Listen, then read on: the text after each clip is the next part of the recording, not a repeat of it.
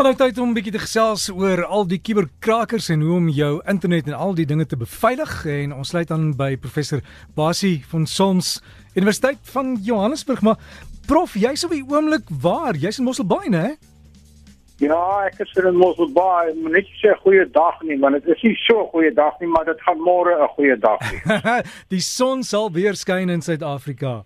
Absoluut. ek sit hier en kyk na die storie wat jy vir my gestuur het van die ouens wat vir Apple gesê het, hulle iCloud dat hulle moet vir hulle soveel dollars gee, anders gaan hulle almal se rekeninge sluit.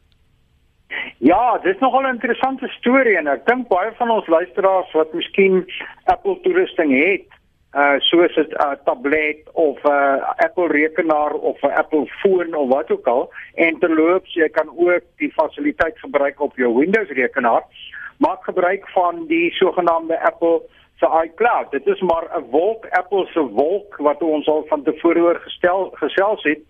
En uh aan die einde van 2016 was daar amper 800 miljoen mense oor die wêreld wat hierdie iCloud van Apple gebruik het.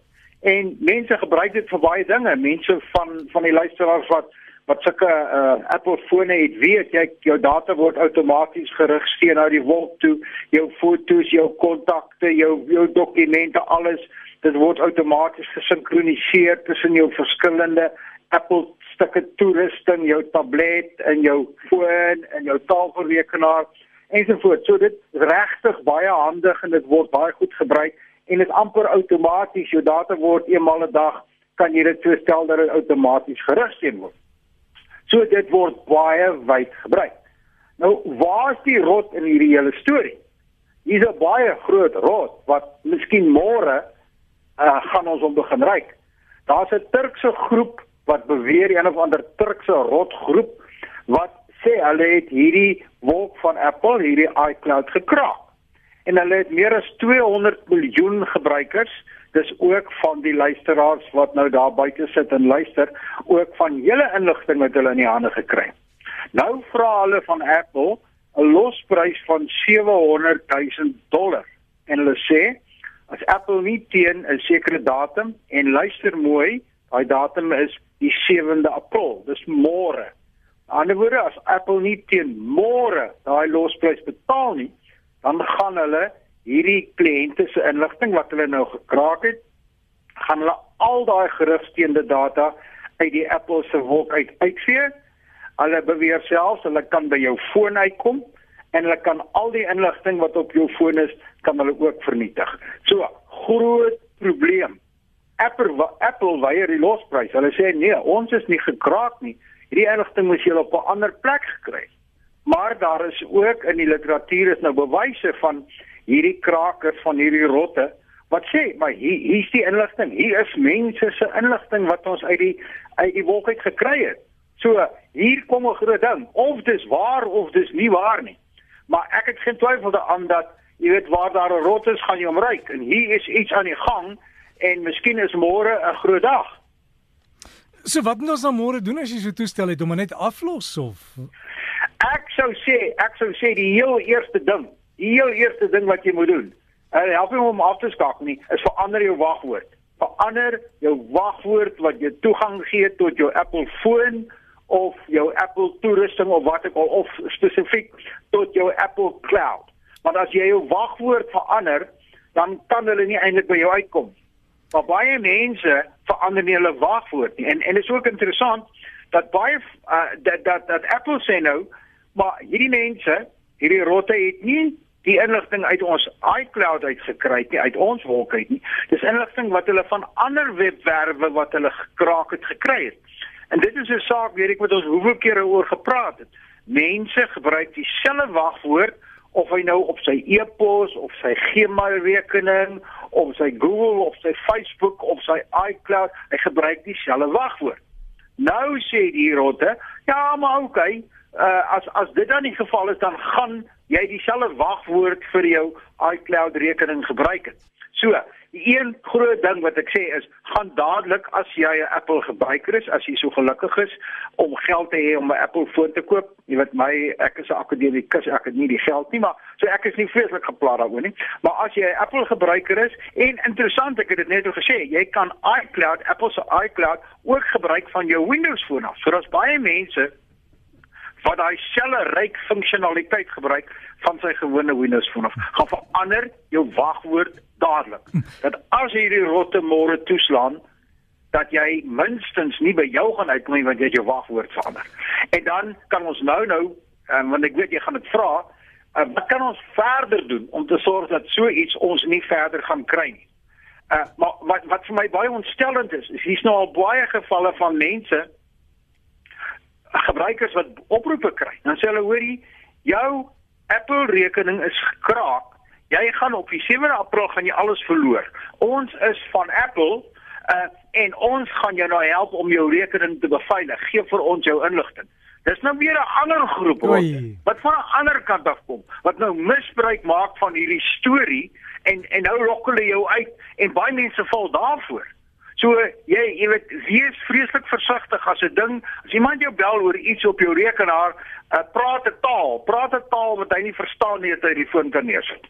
En prof, daar's ook 'n ding weet as jy baie keer op 'n program ingaan, jy kry jou jou wagwoord bestuurders wat help, maar baie keer dan sê hy vir jou wil jy hierdie hierdie wagwoord van jou permanent stoor op jou rekenaar en sê die mense ja en hulle weet nie eens hoe om hom te verander nie, né?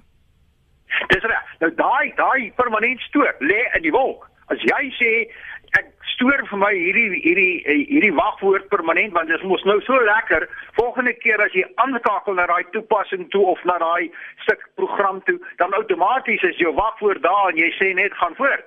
Dit lê iewers in die wolk. Dit beteken as hulle die wolk gekraak het maak nie saak of dit nou Apple se wolk is en of dit Dropbox is of enige een van die wolk van fasiliteite nie dan lê hy daar So wees daaroor is 'n baie goeie kommentaar. Wees baie versigtig voor jy vir hom sê, "Ja, stoor dit vir my." Of werk dit vir my dat ek dit volgende keer maklik kan bykom. Gaan daai ekstra myl en sê vir hom, "Nee, bly weg van my af. Ek sal self my wagwoorde intik soos en waar ek dit nodig het." Nou jy het ook verwys na die hele kwessie van van van beveiliging hoe doen ek dit? Ja. En en hier's nog 'n ding, ek het al 'n paar keer daaroor gesels die afgelope jaar en so terloops. Hierdie is ontrent nou die jaar is verby.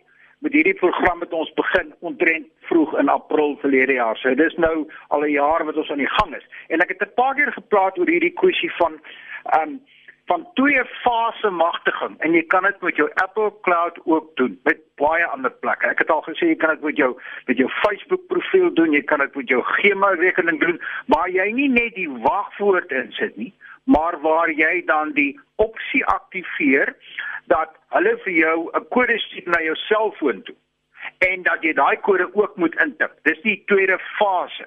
So nou as hulle jou wagwoord gekraak het soos in die geval en jy het die twee fase uh, magtiging geaktiveer gehad, dan kon hulle in elk geval niks gedoen het nie, want dan gaan hulle 'n kode stuur na jou foon toe. Hulle het nie jou foon nie. Dis baie dieselfde as wat ons met ons bankrekenings doen waar jy die kode kry maar met die ge gepaardgaande probleme van SIM-omruilings.